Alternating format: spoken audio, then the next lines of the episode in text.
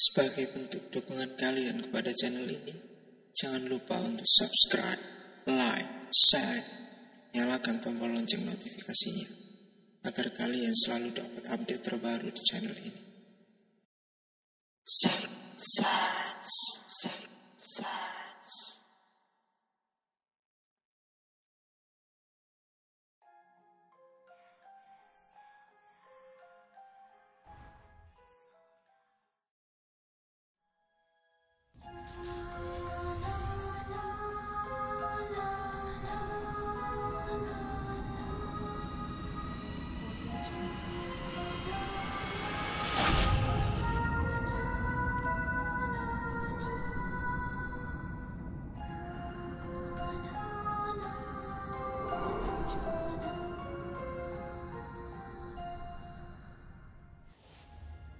Halo, aku Lina.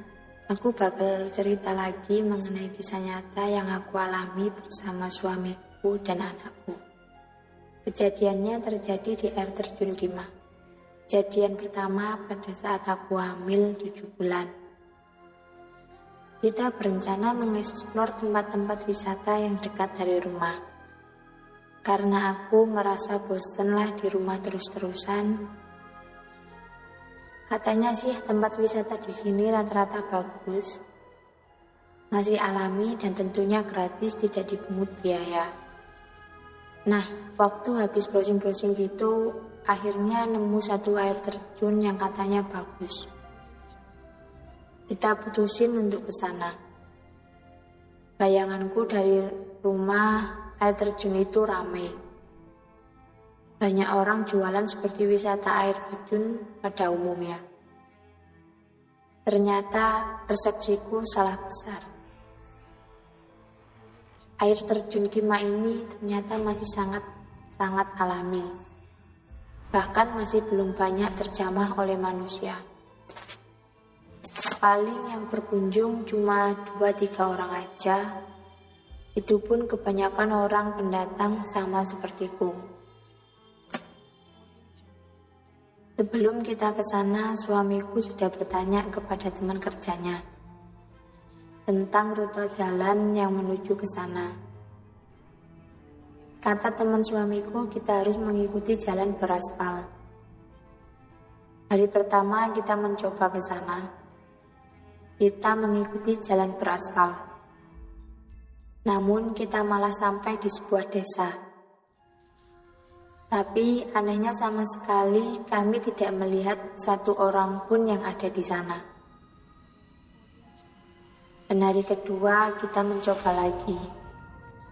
Dengan jalur yang sama, namun ujungnya kita malah sampai di sebuah peternakan babi yang sepertinya sudah lama ditinggalkan.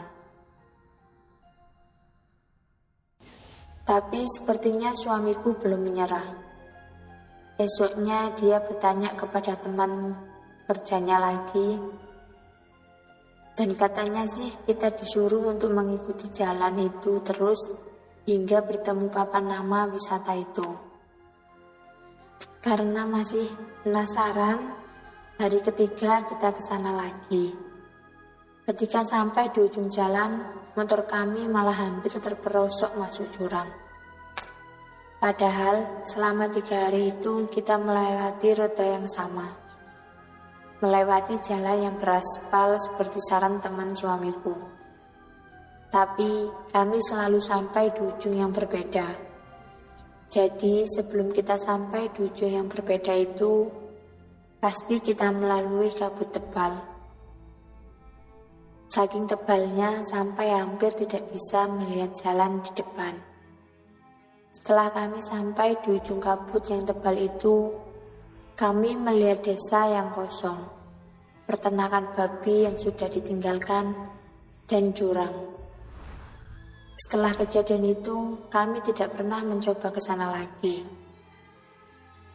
Sampai akhirnya ketika anakku umur satu tahun, waktu itu siang hari suamiku lagi membersihkan akuarium.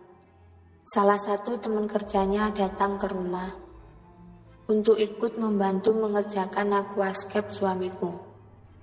Tiba-tiba suamiku mengajak untuk pergi ke air terjun Kima lagi untuk mencari tanaman air. Suamiku bercerita kepada temannya kalau dulu dia pernah ke sana tapi tidak pernah menemukan air terjunnya. Teman suamiku kaget karena kalau dia ke sana dia selalu sampai di air terjun. Lalu suamiku mengajak temannya buat mengantarkan ke air terjunnya.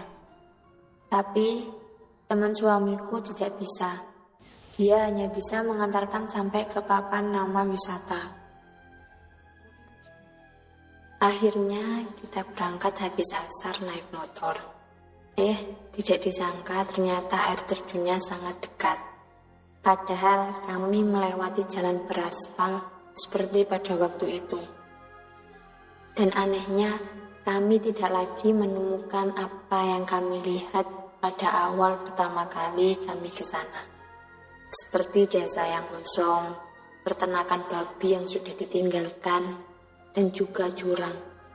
Jalannya banyak pohon rindang, udaranya sangat sejuk. Setelah sampai ternyata di depan ada papan nama yang dulunya ada tulisan wisata air terjun Dima. Dan kami memutuskan untuk berpisah karena teman kerja suamiku sedang ada keperluan lain. Tapi aku melihat ada keganjilan di papan nama itu. Papan nama itu sudah diberi tanda silang dengan cat dan sudah berlumut. Akses pintu masuk sudah tertutupi pohon besar yang tumbang. Suasana di situ sangat petang karena saking banyaknya pohon-pohon besar. Sehingga hampir tidak terkena sinar matahari sampai kami harus menggunakan senter. Pada saat mau masuk ke air terjunnya, kami harus menuruni anak tangga. Anak tangga tersebut sudah berlumut, lembab, licin, dan curam. Sebenarnya aku tidak mau turun karena was-was dengan kondisi anak tangga seperti itu. Tapi suamiku memaksa aku, jadi aku ngikut saja. Kami menuruni anak tangga, aku sambil menggendong anakku. Setelah sampai di bawah, ternyata di sana ada tiga orang laki-laki. Mereka sepertinya terlihat mengukur kedalaman air dengan menggunakan sebatang kayu. Sepertinya mereka ingin berenang. Dalam hati, syukur deh ada temennya setelah itu kami langsung berfoto-foto. Memang pemandangannya sangat indah. Airnya terlihat bening dan segar, membuat orang ingin berenang. Setelah berfoto, suamiku lanjut mencari tanaman di sekitaran air terjun. Sedangkan aku menunggu di sebuah gazebo tua.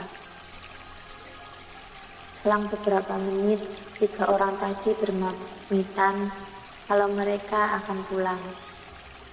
Jadi di tempat itu hanya tinggal kami bertiga. Tidak selang beberapa lama, tiba-tiba ada suara dari arah belakangku. Sedang apa, Nduk? Kok sore-sore ke sini? Aku kaget dong Refleks aku menoleh ke belakang. Ternyata ada kakek-kakek tua membawa tongkat. Ini loke nemenin suamiku mencari tanaman air. Sudah sore, Nduk, ajak suamimu pulang. Aku jawab, iya, kek. Kakek itu menjelaskan, kalau dirinya sudah lama tinggal di sini dari zaman penjajah Belanda. Dan dia menyuruh hati-hati dan melarang kami mandi di sini. Aku masih merasa aneh. Setelah tiga orang yang izin pulang tadi, aku yakin tidak ada satu orang pun selain aku, suamiku, dan anakku. Lalu dari mana datangnya kakek itu. Seketika itu, aku langsung teriak memanggil suamiku. Lalu aku menoleh ke belakang, tapi kakek itu sudah tidak ada. Aku mencari kakek itu di sekeliling, tapi tidak ada siapa-siapa. Lalu suamiku bertanya, "Ada apa?" Aku menjelaskan kepadanya kalau ada kakek-kakek di belakangku yang menyuruh kami untuk tidak berenang di sini. Tapi kata suamiku dari tadi dia tidak melihat siapa pun. Seketika itu aku langsung mengajak suamiku pulang. Pada saat kami menaiki anak tangga, aku kaget kenapa anak tangga ini jadi sedikit sekali. Padahal waktu kami turun tadi, aku yakin melewati banyak sekali anak tangga. Kami berlari secepat mungkin menuju tempat motor yang kami parkir di atas. Sebelum sampai di motor, suamiku ingat ada berapa tanaman yang tertinggal di bawah. Dan aku memutuskan untuk menunggu di motor. Tapi tidak berselang lama, suamiku sudah kembali. Lalu dia bertanya kepadaku, Kenapa kok tiba-tiba teriak-teriak? Aku kaget dong. Siapa yang teriak-teriak? Orang aku dari tadi nunggu kamu. Katanya sebelum sampai bawah, dia mendengar suara teriakanku memanggil namanya. Hal itu membuat kami berpikir untuk segera pergi dari tempat itu. Setelah sampai di rumah, aku mengunggah foto-foto tadi di media sosialku ada beberapa komentar di salah satu foto yang menjelaskan kalau tiga hari yang lalu ada tragedi orang yang tenggelam dan meninggal di sana. Sana juga tempatnya angker dan hampir tidak ada lagi orang yang berani ke sana. Mitosnya kalau berenang di sana kemungkinan besar orangnya akan meninggal tenggelam. Katanya juga ada sosok kakek-kakek menunggu di sana. Dalam hatiku, aku bersyukur. Alhamdulillah, meskipun banyak kejadian aneh yang kami alami, kami tidak mengalami kejadian yang mencelakakan kami.